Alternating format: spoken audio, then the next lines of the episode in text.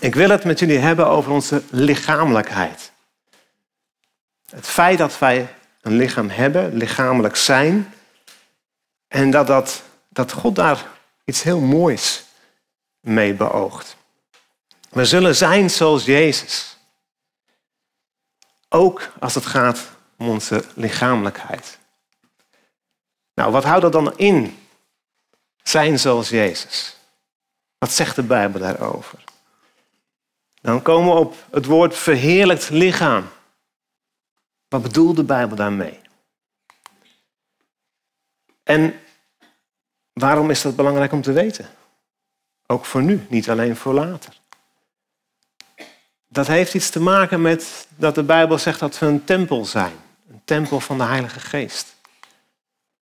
En dus, deze vijf stappen gaan we met een soort zeven mijlslaarzen nemen. En daar gaan heel veel teksten langskomen, dus hou je aandacht er goed bij. Maar ik wil ook wel weer toezeggen om de PowerPoint-presentatie na afloop uh, via uh, de oudste aan jullie te doen toekomen. Dan uh, hoef je niet allemaal aantekeningen of foto's te maken. Ik begin waar wij als Pinkster evangelische christen misschien niet altijd zo mee bezig zijn. Dat is de geloofsbeleidenis, de apostolische geloofsbeleidenis. Dat is misschien niet iets wat je elke dag leest of, of uitspreekt. Maar het is wel heel mooi te weten dat er, dat er vanaf al heel vroeg in de kerkgeschiedenis tot op de dag van vandaag een manier gevonden is om, om de kern van ons geloof te verwoorden. Een manier die door bijna alle christenen wereldwijd, door alle tijden, alle plaatsen, herkend wordt. Bijna alle christenen zeggen, ja, als het ergens over gaat, dan gaat het hierover. Dat geldt ook voor ons. En dan zijn er twee artikelen van de twaalf die relevant zijn voor vandaag, voor ons thema. Artikel 5 beleidt dat op de derde dag Jezus is opgestaan van de doden. Nou, daar is geen twijfel over, denk ik. Dat hebben we met Pasen, uh, vieren we dat elk jaar. Jezus is opgestaan, lichamelijk opgestaan uit de dood. Maar dan artikel 11 ligt eigenlijk in het verlengde daarvan. En daar hebben we vaak minder oog voor. De wederopstanding des vleeses in goed Nederlands. De wederopstanding, dat gaat over ons. En dan blijkt dat er een protestantse versie is, zoals ik al net zei, maar ook een rooms-katholieke, de verrijzenis van het lichaam. Nou, dan moet je terug naar de oorspronkelijke taal waarin het geschreven is. Er staat in het Latijn carnis resurrectionem. En carnis is het vlees. Daar bedoelt men het lichaam mee. Niet wat er bij de slagen ligt, maar ons eigen lichaam. En resurrectionem is dat het inderdaad opnieuw tot leven wordt gewekt. Zoals Jezus is opgewekt uit de dood, lichamelijk, zo zal ook ons lichaam opnieuw tot leven worden gebracht. Dat is wat we beleiden. Nou, laat dat maar even tot je doordringen. Ons lichaam, dat we van God gekregen hebben, wordt op gelijke wijze als bij Jezus opnieuw tot leven gebracht na onze dood. En daar wordt best veel over gezegd in allerlei teksten. 1 Johannes 3, vers 2 uit de NBV. Geliefde broeders en zusters, wij zijn nu al kinderen van God. Wat we zullen zijn is nog niet geopenbaard, maar we weten dat we aan Hem gelijk zullen zijn. Wanneer Hij zal verschijnen, want dan zien we Hem zoals Hij is. We zullen zijn zoals Jezus. Wanneer Hij terugkomt, aan het eind van de tijd, de wederkomst van Jezus, waar we naar uitkijken, dan zullen we Hem zien zoals Hij is. Eindelijk mogen we Hem dan echt face-to-face zien. Maar dan zullen we ook ontdekken, hé, hey, wij lijken op Hem. Als twee druppels water. En als we dan Filippenzen 3, vers 20 en 21 ernaast leggen, dan staat er iets vergelijkbaars. Wij hebben ons burgerrecht in de hemel. En vandaar verwachten wij onze redder, de Heer Jezus Christus. Met de kracht waarmee hij in staat is alles aan zich te onderwerpen, zal hij ons armzalig of vernederd lichaam gelijk maken aan zijn verheerlijk lichaam. Dus hier staat letterlijk wat ik net heb beweerd. Hij zal ons huidige lichaam gelijk maken aan het lichaam dat hij al heeft. Verheerlijkte lichaam. Dus wij zullen net als Jezus een verheerlijkt lichaam krijgen. En daarmee zullen we dus op hem lijken. Nou, dat is misschien niet het eerste waar je aan denkt als je zegt van we zullen worden zoals Jezus. Ik wil meer en meer gaan lijken op Jezus. Ik wil meer en meer gaan lijken op Hem, zingen we wel hè, met een kinderliedje. En dan denk je misschien in de eerste plaats van ja, zoals Jezus leefde met God en met de mensen om hem heen, zo wil ik ook leven. Dat is wat, wat ik in Hem zie, dat Hij volmaakt gehoorzaam is aan de Vader, afhankelijk van de Heilige Geest. Dat hij zich laat leiden door liefde, dat hij dient, dat hij zijn leven geeft, enzovoort, enzovoort. Die, al die mooie uh, dingen die we in het evangelie lezen. En dat is natuurlijk ook zo. Je kunt ook zeggen, zijn karakter, zijn eigenschappen. Waarvan Paulus zegt, dat is de vrucht van de geest die in ons groeit. Liefde, trouw, vrede, zachtmoedigheid, geduld. Al die mooie eigenschappen. Vaak als we het hebben over worden zoals Jezus, zullen zijn zoals Jezus, dan denken we in de eerste plaats hier aan, of niet? En dat is ook terecht, dat is ook mooi. Dit is wat God in ons uitwerkt. Maar vergeet niet dat er ook iets over onze lichamelijkheid staat. Wij zullen zijn zoals Jezus. Zoals Hij een bepaald soort lichaam heeft gekregen, zullen wij ook zo'n lichaam krijgen. En dat noemt de Bijbel dus een verheerlijkt lichaam.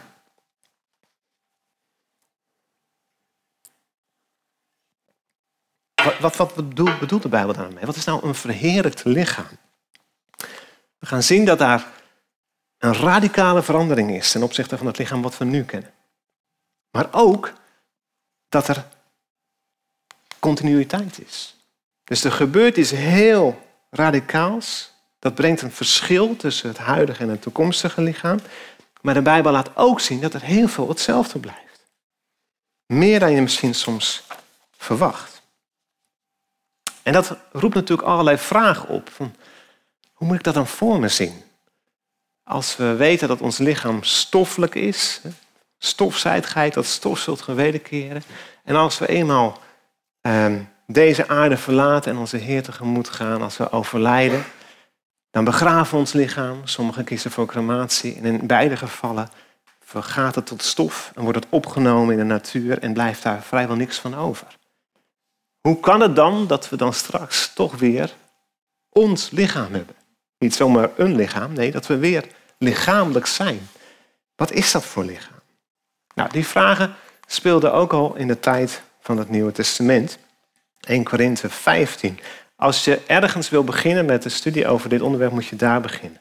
1 Korinthe 15 Het gaat over de opstanding van Jezus, maar ook over onze opstanding.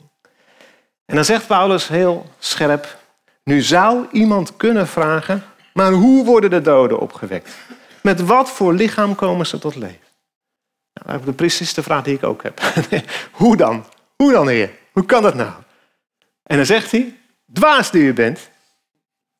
Oké, tactisch Paulus. Zou het goed doen in deze tijd op televisie. Dwaas die u bent. Maar het staat er wel. En waarom noemt Paulus ons nou een dwaas als we die vraag stellen? Niet omdat we die vraag niet zouden mogen stellen, dat die niet relevant is, maar omdat hij eigenlijk zegt, jullie kunnen het antwoord al weten. Zeker de gelovigen uit het Jodendom, uit de Joden, vertelt hij niks nieuws. Al duizenden jaren beleed men dat zij zouden opstaan wanneer de Messias zou komen. Daarom liggen die graven op de Tempelberg. Hè? Daar, in Jeruzalem, want daar komt de Messias. Dus de Joden verwachten opgewekt te worden, lichamelijk. Dat is niks nieuws. Maar goed, hij gaat er ook wel weer op in. Dus het is niet zo dat hij zegt, nou, volgende vraag. Nee, hij gaat er ook op in. En dan is hij vrij uitvoerig in de hele verhandeling. En we kunnen maar kleine stukjes daarvan eruit pakken en proberen tot de essentie te komen. Dan betoogt hij het volgende in vers 42 tot en met 44. Zo zal het ook zijn wanneer de doden opstaan. Wat in vergankelijke vorm wordt gezaaid, wordt in onvergankelijke vorm opgewekt. Wat onaanzienlijk en zwak is, wanneer het wordt gezaaid, wordt met schittering en kracht opgewekt. Er wordt een aards lichaam gezaaid, maar een geestelijk lichaam opgewekt. Wanneer er een aards lichaam is, is er ook een geestelijk lichaam. Dus op verschillende manieren zegt hij eigenlijk hetzelfde. Dat er twee soorten lichamen zijn. En dat, die, dat je die heel goed kunt onderscheiden van elkaar. En hij zegt eigenlijk drie kenmerken daarvan. Het ene lichaam is vergankelijk. Wat wil dat zeggen? Nou, het vergaat. Het is sterfelijk. Het blijft niet voor altijd. En dat niet alleen, er zit, er zit ook al een verval in terwijl we nog leven. Dat hoef ik veel van jullie niet te vertellen. Vanaf je 25ste, heeft men onderzocht, wordt het eigenlijk allemaal minder in je lichaam. Dus jongeren genieten ervan, zolang als het duurt. De volle kracht, dat je daar nog niet druk over hoeft te maken. Je kunt nog van alles doen, je kunt nog van alles eten. Zonder dat je ook enig gevolg daarvan merkt. Nu. Nou, kijk uit, want op de lange termijn kan het toch ook wel effect hebben. Maar kom je eenmaal op een bepaalde leeftijd, dan merk je, en hoe ouder je wordt, hoe meer je merkt van, ja, nee, sorry. Ik heb niet het eeuwige leven met dit lichaam hier op aarde. En het wordt eigenlijk alleen maar minder. Ja, meer, leuker kunnen we het niet maken. Het is onaanzienlijk en zwak, zegt Paulus zelfs. Armzalig, laatst in Filippenzen. Of vernederd. Nou, daarmee wil hij ons niet schofferen. Ik zie een heleboel mooie lichamen in deze zaal. En het is ook belangrijk dat je dat van jezelf kunt zeggen. Dat je dankbaar bent voor het lichaam dat God je heeft gegeven. Mij heeft dat echt heel lang gekost. En laatst was ik op retraite en toen stapte ik onder de douche vandaan en ik keek in de spiegel en ik dacht, hé, hey, ik voel dat ik dankbaar ben voor mijn lichaam. En dat was een heel bijzonder moment, want dat heb ik heel lang niet zo gevoeld. Dank u wel, Vader, voor het lichaam dat u mij gegeven hebt. Ja, dus dat is er ook, hè? Je mag positief gestemd zijn. En als dat niet lukt, om wat voor reden dan ook, dan mag je daar ook echt best naar verlangen en voor bidden. Dat God het beeld van jezelf herstelt, dat je daar genezingen mag krijgen. Want God heeft jou zo prachtig gemaakt. Of je nou jong bent of oud. Je mag er zijn zoals je bent en je bent mooi. Je bent mooi in de ogen van de Vader. En ook zijn er altijd mensen die dat ook in jou zien. En dat ook tegen jou willen zeggen. Dus dat is niet wat Paulus zegt, van het stelt niks voor en het uh, doet er allemaal niet toe en je bent lelijk of zo. Dat is absoluut niet wat er staat. Het enige wat hij zegt is, het is beperkt. Vergeleken met wat we nog gaan krijgen, ja, sorry. sorry, maar het wordt wel veel en veel beter. Dit is nog maar een voorafschaduwing. Het is nog maar een, een prototype, zou je kunnen zeggen. Maar wat we straks krijgen, dat overtreft dat alles. En dan gebruikt hij twee woorden die ook niet zo makkelijk te pakken zijn. Aards en geestelijk. En te vaak zijn die op een bepaalde manier uitgelegd waardoor die helemaal tegenover elkaar zijn komen te staan. Als zou het aardse, het natuurlijke, minder zijn dan het geestelijke. Het onzichtbare of het bovennatuurlijke noemen we dat dan. Ten onrechte eigenlijk. Er is maar één natuur. Er is maar één geschapen werkelijkheid. Er is wel verschil tussen wat zichtbaar is en wat onzichtbaar is. Wat tijdelijk is en wat eeuwig is. Maar het is dezelfde schepping van God. En het een is niet beter of meer dan het ander. Dus wat er letterlijk staat is, het aardse is het psychicon lichaam, het psychische lichaam, zou, zou je haast kunnen zeggen. Ziels. Maar daarmee zegt het is gewoon natuurlijk. Het is gemaakt voor deze werkelijkheid, geschapen werkelijkheid zoals we die nu kennen. Een natuurlijke aardse realiteit. Daar is het geschikt voor. Daar kunnen we ermee toe. Maar in de werkelijkheid die nog komen gaat, wanneer Jezus terugkomt en zijn koninkrijk vestigt hier op aarde, wanneer de scheiding tussen hemel en aarde wordt opgeheven, of wij gaan naar Hem toe en we verblijven in die andere dimensie die we hemel noemen, dan voldoet dit lichaam niet. Dan heb je een pneumatisch lichaam nodig, een geestelijk lichaam nodig, die aangelegd is op die realiteit, op die werkelijkheid. Ook een geschapen werkelijkheid, maar wel heel anders, van een andere orde. Dus er is een verschil tussen een aardslichaam, wat we nu hebben, en een geestelijk lichaam, wat we straks krijgen. En toen heb ik gekeken naar de christelijke dogmatiek van Van der Brink en Van der Kooi. Misschien ook niet iets wat je elke dag raadpleegt. Ik ook niet hoor. Maar er zijn van die momenten dat ik denk, ja, hoe zit het nou? Help me even, want dit is toch wel wat ingewikkeld. En ik vond deze omschrijving van hen heel mooi. Met een geestelijk lichaam bedoelt Paulus niet een spookachtig bestaan, maar een lichamelijkheid die geheel en al door de inwoning en vernieuwing van de Heilige Geest is bepaald. Nou, dat zou Pinkstertheologie kunnen zijn, of niet? Een lichamelijkheid die geheel en al door de inwoning en vernieuwing van de Heilige Geest is bepaald. Wauw. Daar, daar kan ik wel wat mee. Daar verlang ik wel naar. Dat, dat hoe ik in mijn lichaam ben, hoe ik daarmee leef, wat ik daarmee doe, hoe ik dat waardeer, hoe ik dat zie, dat het bepaald wordt, volledig bepaald wordt door de Heilige Geest in mij. hey, dat is een geestelijk lichaam. Een geestelijke manier van lichamelijk zijn, zou je kunnen zeggen. Daar kom ik straks nog op terug. In 1 Korinthe 15 voert Paulus een discussie. Natuurlijk in een bepaalde situatie, met bepaalde vragen. En dan ligt de nadruk heel erg op het verschil tussen die twee soorten lichamen. En dan, we hebben net al een paar kenmerken gezien en er komen er nog meer. Je ziet ook in het evangelie van Matthäus een situatie waarin iets heel bijzonders gebeurt. Jezus die een ontmoeting heeft met Elia en Mozes op een berg, op een heuvel. En dan staat er voor hun ogen, dus de ogen van de leerlingen die daarbij waren, veranderde Jezus van gedaante. Zijn gezicht straalde als de zon en zijn kleren werden wit als het licht. Daar was over nagedacht wat daar nou precies gebeurd is. Dat is, dat is nog wat anders dan een manifestatie van de Heilige Geest of iets. Hè? Er gebeurt fysiek iets met het lichaam en zelfs met de kleren van Jezus.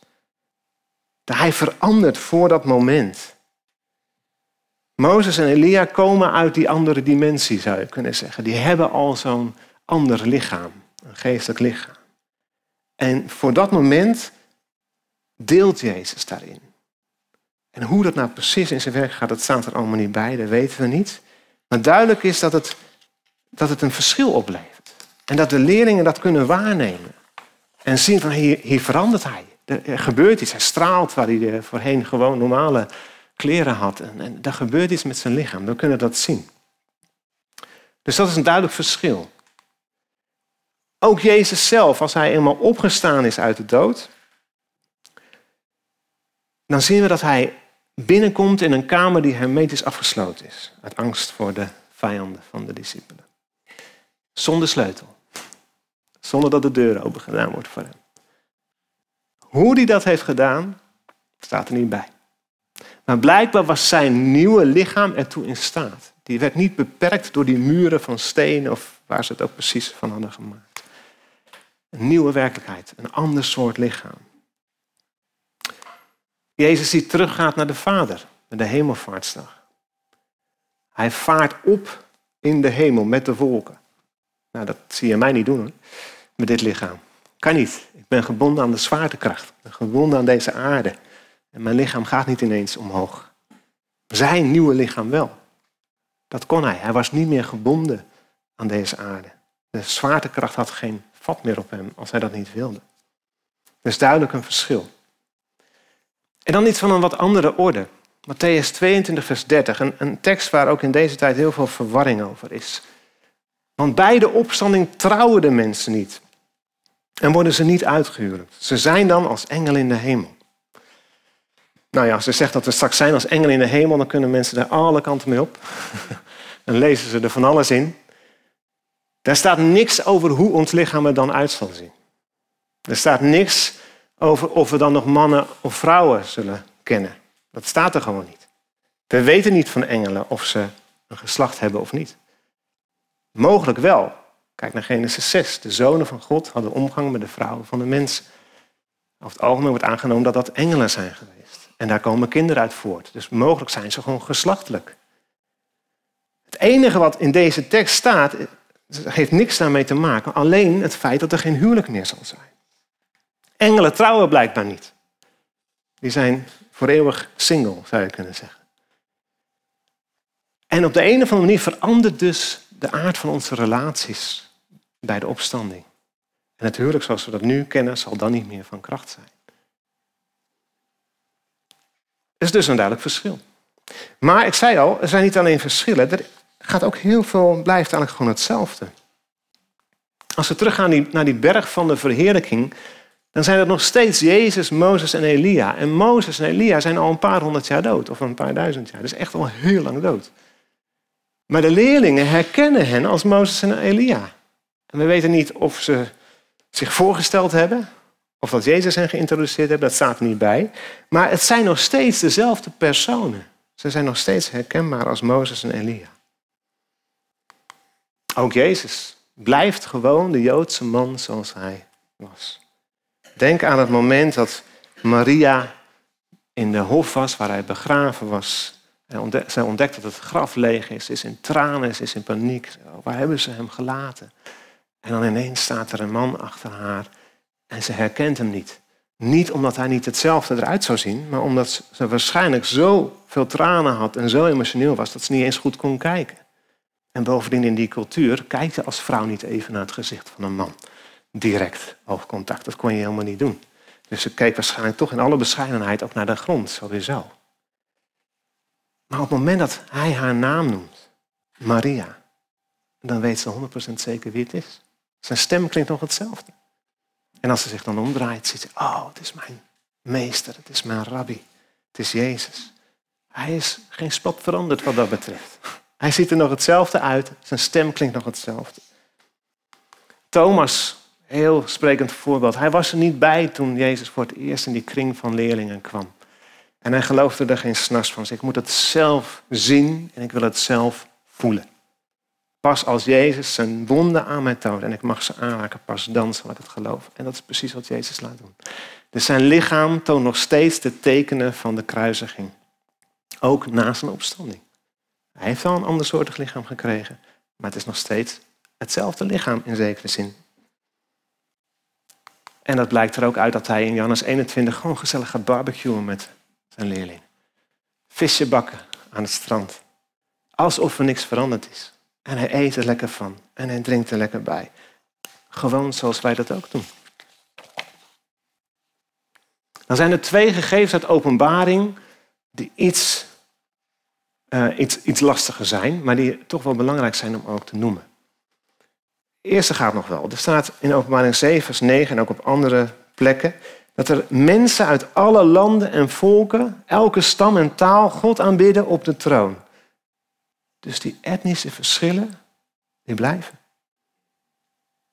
Iemand uit Congo blijft nog steeds een Congolees. Een Nigeriaan blijft een Nigeriaan. Een Amerikaan een Amerikaan. En een Hollander blijft gewoon een Hollander. En dat kun je zien en dat kun je horen. En als je uit Rotterdam komt, kun je het helemaal horen. Ja? Dat blijft gewoon hetzelfde. Talen, uiterlijke verschillen, huidskleur, als dat niet zo zou zijn, zou het erg saai worden in de hemel. of in, in de eeuwigheid.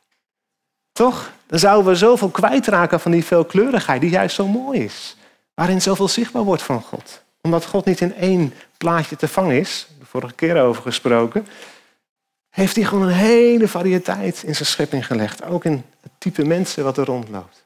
En dat is mooi. Daarin zien we juist iets van de grootheid van God. Dus dat blijft gewoon bestaan. En dan staat er nog iets anders over die volkeren, helemaal aan het eind in Openbaring 21. Het gaat over het nieuwe Jeruzalem. dan staat er, de volken zullen in haar licht leven en de koning op aarde brengen daar hun eerbewijzen. De volken zullen er al hun eerbewijzen komen brengen. En dan denk je bij een oppervlakkige lezer misschien, ja, ze gaan aanbidden. Hun eerbewijs, lofprijzing, aanbidding. En dat zal ook zo zijn. Maar hun woord, het woord wat hier gebruikt wordt, is niet is dat niet? Is hun heerlijkheid. Hun eer brengen zij. Ze brengen iets van zichzelf waar ze eigenlijk trots op zijn. Wat mooi is, wat goed is. En dat brengen ze als schatten voor de troon van God. En dat doen ze gezamenlijk als volk. Dus er zijn uitleggers, en dit is niet 100% hard te maken, maar er zijn uitleggers die zeggen: hé, hey, het lijkt er wel op alsof die culturele verschillen er gewoon nog steeds toe doen en nog steeds blijven. Bij wijze van spreken komt er een Fransman, komen de Fransen voor de troon en zeggen: Hier is ons stokbrood en onze beste Bordeaux-wijn. Brengen we als schatten voor uw troon. En doe er ook wat camembert bij en brie en roquefort. En dit is onze schat. Ja? Maar iemand uit een Arabisch land zegt, hey, couscous, kebab, echt lamsvlees. Zoals alleen wij dat kunnen maken. Geniet ervan, heer. Dit brengen wij in. En misschien, ik weet niet of wij nou met klompen en tulpen moeten aankomen. Daar moeten we misschien even over hebben met elkaar. Wat we nou gaan brengen dan. Ik zou eerder pleiten voor een paar mooie schilderijen van Rembrandt of zo. Hè? En ik hoop dat de Duitsers Bach en Beethoven meenemen. Ja? Snap je wat ik bedoel? Dus elk volk heeft iets heel moois. Niet? Nou, zijn niet geen liefhebbers van Bach of Beethoven, of wel? Mag ook meer populaire muziek zijn, denk ik hoor. Maar snap je dat, dat, dat we iets hebben gekregen van God in onze volksaard, in onze cultuur, in onze geschiedenis, maar ook iets hebben gecreëerd, iets hebben gemaakt. Wat er mag zijn, wat tot eer van God kan zijn. Dus al die dingen lijken hun waarde te behouden. Dus als ik dat samenvat, dan moet ik wel eerlijk zeggen, heel veel weten we ook gewoon niet. Verder dan wat ik nu heb aangereikt, kom ik zelf niet. En ik denk dat als je nog grondige studie naar doet dan ik zelf heb gedaan, dan, dan kom je nog niet heel veel meer te weten. Dus de Bijbel zwijgt ook over heel veel aspecten waar we misschien wel nieuwsgierig naar zijn. Maar op het moment dat we daar iets over gaan zeggen, dan, dan gaan we speculeren. En dat geeft op zich niet altijd. Je mag best eens een keer dagdromen daarover. Maar besef dan dat dat niet per se bijbels is. Dat je daar weinig grond voor kunt vinden. Wat wel duidelijk is, is dat er zowel verschillen zijn als continuïteit. En als ik het in mijn eigen woorden zou samenvatten, zou ik zeggen: onze identiteit als mens, ook lichamelijk, blijft behouden. Maar de kwaliteit van ons lichaam gaat erop vooruit. Dat is het goede nieuws. Wordt in ieder geval anders, maar het wordt ook beter. We zullen dingen kunnen die we hier niet kunnen. Maar belangrijk om te weten dat je identiteit dezelfde blijft. Ook in lichamelijke zin. Dat jouw lichaam bewaard blijft. Tot in de eeuwigheid. We hebben twee van de vijf stappen gezet die we maken. En ik ben al een half uur onderweg met jullie. We gaan kijken hoeveel tijd we nog nodig hebben voor de rest. Waarom zou je dit nu allemaal moeten weten? En er zijn natuurlijk theologen onder ons, zoals ik. Ik vind het sowieso interessant. Leuk. Leuke hobby om alvast even uit te spellen. Misschien leuk om al iets te weten wat je te wachten staat. Maar wat, hoe raakt dat nou je leven hier en nu? Ik geloof dat al het Bijbels onderwijs altijd praktisch relevant is voor nu. Er zijn niet allerlei ingewikkelde theorietjes en leuke lesjes in voor ooit een keer of om ons maar een beetje bezig te houden. Nee, het Bijbels onderwijs is altijd praktisch. Daar kun je wat mee. Dus wat kunnen we hier nou mee? Daar gaan we kijken. En dan moest ik denken aan deze tekst, die jullie waarschijnlijk wel kennen. 1 Thessalonicense 5, vers 23. Een zegenbede. Mogen de God van de vrede uw leven geheel en al heiligen. En mogen heel uw geest, ziel en lichaam zuiver bewaard zijn bij de komst van onze Heer Jezus Christus. Het gaat weer over die wederkomst. Het gaat weer over de toekomst, maar het gaat ook weer over onze geest, ziel en lichaam. Het is eigenlijk de enige plek waar die drie samen worden genoemd in de Bijbel. En bij elkaar horend. Het, het, het, nee, dat voert nu te ver, maar om hiermee te zeggen dat onze hele menselijkheid bewaard kan worden, zuiver bewaard en aangeboden worden aan God bij de wederkomst van Jezus. Als een daad van aanbidding. En wat daarvoor nodig is, is heiliging. Dat Hij ons geheel en al heiligt. Naar geest, ziel en lichaam. Dus,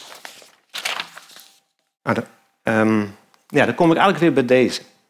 Die prachtige definitie uit uh, de christelijke dogmatiek. Met een geestelijk lichaam bedoelt Paulus niet een spookachtig bestaan, maar een lichamelijkheid die geheel en al door de inwoning en vernieuwing van de Heilige Geest is bepaald. Eigenlijk is dat heiliging. Dat ons leven in alle aspecten steeds meer bepaald wordt door de Heilige Geest die in ons woont. Dat we gaan leven zoals God dat wil. Veel mensen zullen dat lezen als iets wat ooit een keer gaat, gaat gebeuren. Maar niet nu. Eens een zondaar, altijd een zondaar. Hele volkstammen zijn daarmee opgegroeid.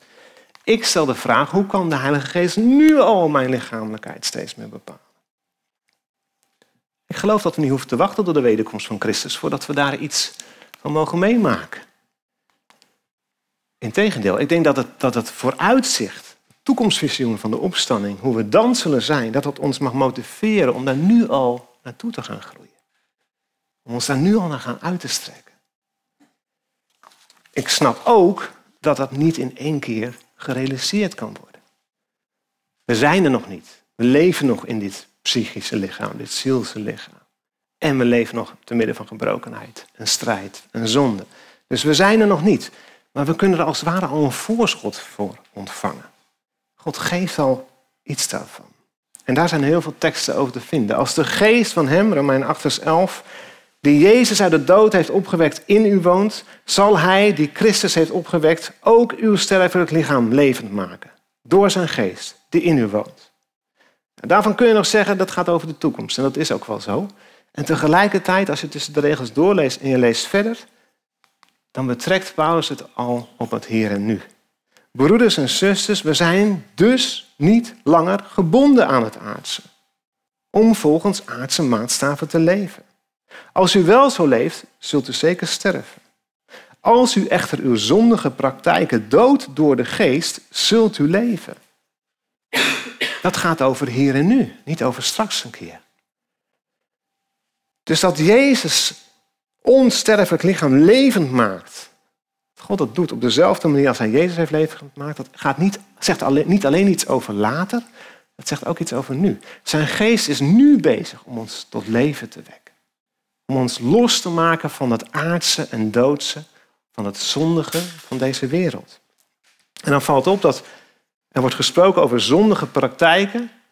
En als je dat in andere vertaling leest en ook in de grondtekst, dan zie je dat letterlijk staat de werkingen of de daden van het lichaam. Zonde is per definitie iets wat we met ons lichaam doen. Wat lichamelijk geuit wordt. Natuurlijk zijn er ook zondige gedachten. Maar dat zijn eigenlijk gedachten die ons aan kunnen zetten tot zonde. Maar voor de wet in het Joodse denken, in het Oude Testament, is iets pas een overtreding als je het ook hebt gedaan. En niet als je erover gedacht hebt, overwogen hebt. Maar als je erover denkt, kun je nog terug. Kun je zo tot de orde roepen en zeggen, nee, dat ga ik niet doen. Op het moment dat je het hebt gedaan, ben je een lijn overgegaan. En dan pas wordt het je aangerekend. Dan is het een overtreding. In het Nieuwe Testament is het eigenlijk niet anders. Jezus zegt veel over ons gedachtenleven. En over onze motieven. En het is zeker van belang om die ook zuiver te houden of te laten worden. Maar zonde is pas zonde als we dat doen. Zondige praktijken, praktijken van het lichaam. Verleiding komt ook altijd via onze lichamelijke zintuig. Stel je nou voor, je hebt je voorgenomen een week te bidden en te vasten. En op dag drie loop je langs de warme bakker. Koffiebroodjes, warme croissants. En je wordt verleid om dat vasten te verbreken. Alleen al door de geur. Als je daar niet had gelopen, had je er misschien niet aan gedacht. Als je anderen hoort spreken over wat zij allemaal doen in het verborgene. Een vriendengroepje die je een beetje opschept. Joh, wat ik nou heb gedaan van het weekend. Die meiden versierd en dat gedaan en zus en zo. En je bent daar deel van en je luistert en zegt, hé, hey, nou, niet zo'n gek idee. Klinkt alsof ze een hoop lol hebben gehad. Lijkt me ook wel wat. Je hoort iets wat je aanzet tot zonde. En dan heb ik het nog niet eens gehad over het zien. Nou, daar hoef ik niet over uit te wijden. Al die beelden, al die boodschappen die op allerlei manieren op ons af worden gezonden. Die ons aanzetten tot iets waarvan God zegt, doe dat nou niet. Dat is niet goed voor je. Maar op het moment dat je het ziet, gaat er iets in je. Nee, dat wil ik ook. Het wekt een verlangen in ons op. En als dat verlangen bevrucht wordt, zegt de Bijbel, en dan wordt het zonde. Dus als we daarmee aan de slag gaan, en we stoppen het niet, maar we gaan ermee aan de slag en we gaan het ook doen, dan zondigen wij. Dus heiliging gaat ook over hoe we met ons lichaam omgaan. Wat we met, vanuit ons lichaam doen, gewoon lichamelijk, feitelijk doen, en hoe we met ons lichaam omgaan, hoe we ervoor zorgen. Nou, dat heeft dus van alles met die opstanding te maken. We hebben gezien dat ons lichaam ertoe doet. Dat het voor eeuwig bewaard zal blijven voor degenen die in Christus zijn. En dat is misschien iets wat je niet altijd mee hebt gekregen. En er wordt wel eens heel um, geringschattend gesproken over een, eh, een begrafenis bijvoorbeeld. Als iemand zegt, oh, dan leg ik dat oude jasje af of voer voor de wormen, dat soort eh, uitspraken. En dat is niet bijbels. Ik geloof dat dat God verdriet doet. Als ik dat even heel zwaar mag aanzetten. Ja? God heeft ons gemaakt met een lichaam naar zijn beeld en zijn gelijkenis. Het is zijn keuze geweest om ons een lichaam te geven en ons lichamelijk te laten zijn. Dat is deel van wie wij zijn als schepsel van God, als beelddrager van God. Dus laten we daar ook respectvol mee omgaan en respectvol over spreken. Ook al is het nu nog een armzalig vernederd lichaam. Het is wel het lichaam dat God ons gegeven heeft. En het heeft een toekomst. Zelfs over de dood heen. Je ziet dat ook in die heiliging waar ik net een klein stukje van heb laten zien, dat steeds die termen dood en opstanding terugkomen. We sterven aan ons oude leven, de zonde, en om op te staan in een nieuw leven door de geest. Daar zal ik nu niet over uitweiden. En de kracht die ons verandert, is niet onze eigen kracht. Niet de kracht van wapenen, maar de kracht van Jezus zelf. De kracht die Jezus heeft opstaan uit de dood. De Heilige Geest die ook in ons woont. En alleen daardoor kunnen we aan Hem gelijk worden. Nu gaan we het nog concreter maken. En ik zou haar zeggen, akelig concreet. Dus neem nog even, hou er even rekening mee dat ik nog een kwartiertje bezig ben. we hebben die tijd even nodig om dit goed te laten landen. Weet je, je kunt hier heel lang over praten. Je kunt heel geestelijk hiermee bezig zijn door over te bidden en elkaar aan te sporen. Maar uiteindelijk, the proof of the pudding is in the eating. Wat doe je ermee? Leef je er ook naar? En Paulus schuwt niet om dingen bij de naam te noemen. Die legt de vinger op de zere plek. We gaan een stukje lezen uit 1 Korinthe 6. En dat is in deze tijd misschien wel een van de meest omstreden hoofdstukken van de Bijbel. En ik wil even vooraf zeggen, er wordt gesproken over ontucht. Maar ontucht in onze tijd, in ons taalgebruik in het nieuws, heeft een andere betekenis dan toen. Wij denken dan meteen aan misbruik, incest en dergelijke praktijken. Dat zit er ook in, maar het Bijbelse begrip is veel breder. Porneia in het Grieks. Nou, dat klinkt voor sommigen heel bekend, dat woordje. En het is zelfs breder dan dat. Het is breder dan porno. Het is breder dan overspel. Alle vormen van seksuele omgang die God niet toegestaan heeft. Dat is ontucht. Dat moet je even weten om deze tekst goed te kunnen lezen. U zegt, alles is mij toegestaan. Maar niet alles is goed voor u. Zeker, alles is mij toegestaan, maar ik mag me door niets laten beheersen. U zegt, het voedsel is er voor de buik en de buik is er voor het voedsel en God zal aan beide een einde maken. Maar bedenk dat het lichaam er niet is om ontucht mee te plegen. Het is er voor de Heer en de Heer is er voor het lichaam. God heeft de Heer opgewekt en door zijn macht zal hij ook ons opwekken. Weet u niet dat uw lichaam een deel is van het lichaam van Christus? Zouden we dan van de delen van zijn lichaam de lichaamsdelen van een hoer maken? Dat nooit. Of weet u niet dat wie zich met een hoer verenigt, samen met haar één lichaam wordt? Want de schrift zegt, zij zullen één lichaam zijn. Maar wie zich met de Heer verenigt, wordt met hem één geest. Ga ontucht uit de weg. Geen enkele andere zonde die een mens kan begaan, tast het lichaam aan. Maar wie ontucht pleegt, zondigt tegen het eigen lichaam. Of weet u niet dat uw lichaam een tempel is van de Heilige Geest die in u woont en die u ontvangen hebt van God? Weet u niet dat u niet van uzelf bent? U bent gekocht en betaald. Dus bewijs God eer met uw lichaam. Nou, duidelijker kan ik het eigenlijk gewoon niet zeggen. Dus ik ga er ook niet heel veel over uitweiden. Ik vat alleen even samen wat we net gelezen hebben. In lijn met alles wat ik hiervoor heb gezegd. De Heer zal ons lichaam opwekken zoals hij dat bij Jezus heeft gedaan. En dat kent waarde toe aan ons lichaam. Dat betekent dat we daar heel zorgvuldig mee moeten zijn. Dat we het als iets heel kostbaars mogen behandelen. Want we mogen het bewaren, zuiver bewaren tot de dag van Christus. Er staat ook dat het helemaal niet van onszelf is. Wij zijn geen eigenaar van ons eigen leven. En dus ook niet van ons eigen lichaam. Op het moment dat je je leven aan Jezus hebt gegeven, gaat het niet alleen over je hartje. Gaat het over je hele leven, inclusief je lichaam. En dan zeg je, u bent Heer over mijn lichaam. Ik kan daar niet meer zelf over beschikken. Ik kan daar niet meer maar mee doen wat ik wil, waar ik zin in heb. U mag bepalen. Uw geest die in mij woont bepaalt mijn lichamelijkheid. En dat niet alleen. Het staat ook niet op zichzelf. Wij zijn deel van het lichaam van Christus. Wat is het lichaam van Christus? De kerk, de gemeente. Dus wat jij doet met je lichaam raakt de rest van het lichaam van Christus.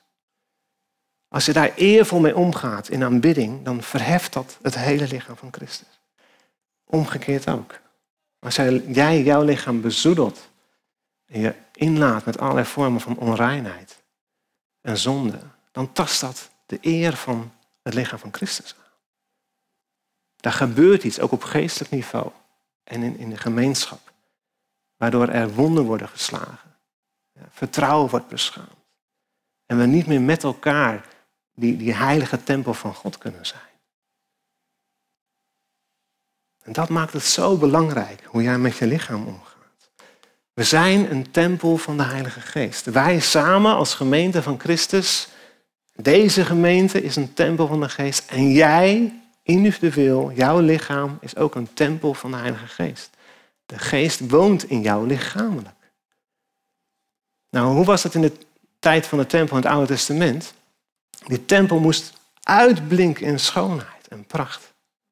In alles, de prachtigste materialen, het fijnste linnen, het mooiste edelgesteente, alles werd aangewend om te laten zien, dit is een plaats waar God woont. Hier kun je God vinden, hier aanbidden we de Allerhoogste Heer. Als je die vergelijking doortrekt, hoe ga je dan om met je lichaam? Als het echt een tempel mag zijn van de Heilige Geest, mag dat dan ook zichtbaar zijn? Mag dat ook merkbaar zijn? Dat als mensen jou ontmoeten, dat ze alleen al zien aan de manier waarop je eruit ziet, wat je uitstraalt, maar ook als ze jouw verhalen horen, je leren kennen. Hé, hey, hoe jij met jezelf en met je lichaam omgaat, dat doet iets met me. Want ik merk dat daar iets van God in zit. En dat mag heel concreet worden. Akelig concreet. En dan ben ik er niet om jullie de wet voor te schrijven. Alsjeblieft niet. Dus ik ga niet zeggen wat je allemaal wel en wat je allemaal niet mag doen met je lichaam. Die tijd hebben we gehad, zou ik zeggen. Ja, er zijn nog steeds kerkgenootschappen waar men elkaar daarop aankijkt. En daar wil ik echt ver van blijven. Ik zou je wel een paar vragen willen stellen. Het is jouw verantwoordelijkheid ten opzichte van God hoe jij met je lichaam omgaat. En ten opzichte van de gemeente net zo goed. We moeten ons ook aan elkaar verantwoorden. Dus ik stel je gewoon de vraag. Wat doe jij om God te eren met je lichaam? Hoe zorg je goed voor je lichaam? Dat het gewoon gezond en in conditie blijft, voor zover je dat in de eigen hand hebt. Heel praktisch. Beweeg je genoeg? Eet je gezond? Wat doe je met roken? Wat doe je met drank? Wat doe je met drugs? En als je dat gebruikt, wat doet dat met je lichaam? Met je lichamelijkheid, met je uitstraling? Stel jezelf gewoon die vragen. Hoe ga ik daarmee om? Waar denk jij dat de grens ligt? En een hele belangrijke vraag daarbij is, zou je Jezus hetzelfde zien doen? Wat jij doet met je lichaam, zou je Jezus hetzelfde zien doen? Want we hebben net gezegd dat wij deel zijn van zijn lichaam. Dus wat wij doen, tot op zekere hoogte, doet Jezus. Kan dat? Klopt dat met elkaar? Zelfs in, als het gaat om uiterlijk. En dat lijkt misschien heel ouderwets. En heel verkeerd in deze tijd om daar iets van te zeggen. En toch denk ik dat het ertoe doet. Nogmaals, niet om een bepaalde norm op te leggen voor iedereen, maar gewoon om daar bewust mee om te gaan. Hoe kleed ik mij? Wat laat ik daarmee zien van God? Dat, dat mijn lichaam ook tot eer van God is. Wat doe ik met make-up, met mijn haardracht? Tattoos of piercings? Hoe dragen die bij aan het verheerlijken van God? En als laatste, maar zeker niet de minste, wat doe je op seksueel gebied? Als het over lichamelijkheid gaat in de Bijbel, gaat het bijna altijd over seksualiteit. En dat is niet voor niks. Niet omdat de Bijbelschrijvers zo bekrompen zijn en van drammerig en zeggen ze maken daar iets van wat er helemaal niet, niet nodig is. Nee, omdat ze de waarde van het lichaam hebben gezien. En ze weten dat hier alles samenkomt. In seksualiteit gaat het niet alleen maar om je lichaam, ook, maar dan komen geest, ziel en lichaam samen. Als je je geeft aan een ander, dan word je verenigd met die ander, hebben we net gelezen. Dus daar gebeurt iets op het diepste niveau van ons mens zijn. En daarom is het zo van belang dat we het heel zorgvuldig doen. En dat we het doen binnen de kaders die God gegeven heeft. En daar ga ik wel iets van zeggen, iets heel normatiefs. Waar menigeen in deze tijd van zegt, dat kan niet meer, dat mag je zo niet zeggen, je sluit mensen uit enzovoort, enzovoort. Ik weet het allemaal. Ik weet hoe gevoelig het ligt. En ik voel hem zelf ook. Dat het niet makkelijk is om daaraan te voldoen.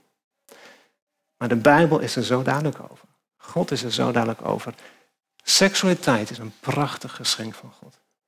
Ja, waar we echt dankbaar voor mogen zijn. Waar we van mogen genieten. Bedoeld is om man en vrouw samen te binden. En ook om voor nageslacht te zorgen. Laten we gewoon ook even heel praktisch zijn. Maar de enige manier waarop het tot zijn recht komt, is binnen dat verbonds, die verbondsrelatie van man en vrouw. Dat is hoe seksualiteit bedoeld is, waar het voor bedoeld is. Dat is de enige manier waarop we God met onze seksualiteit kunnen eren. Is als we daarvoor reserveren. En daar een plek in geven. En dus al het andere, al het andere, dat valt er buiten. Is ons niet toegestaan. Is niet tot eer van God. En de Bijbel zegt daar gewoon hele duidelijke dingen over. Nou, die is gezegd. Daar mag je het mee doen vandaag. En ik snap dat dat moeilijk is. Voor ons allemaal. Ja, dus niet voor een bepaalde groep alleen. Ook voor mij. Een dagelijkse worsteling om daar zuiver mee om te gaan. Ja? Dat is voor niemand gaat het in de koude kleren zitten. Ja? Dat is iets wat echt iets van ons vraagt. Zeker in een tijd waarin alles omvergeblazen wordt op dit vlak. En waar je voortdurend hierop bestreden wordt en aangevallen wordt. Ja, dus we hebben heel veel genade nodig. En heel veel liefde en heel veel support. Allemaal van elkaar en van God. Om hieraan te kunnen leren voldoen. Ja, daar is tijd voor nodig, daar is groei voor nodig, daar is heel veel voor nodig. Maar laten we alsjeblieft wel vasthouden aan hoe mooi God het bedoeld heeft. Want Hij weet wat het beste voor ons is. Laten we daarvoor bidden.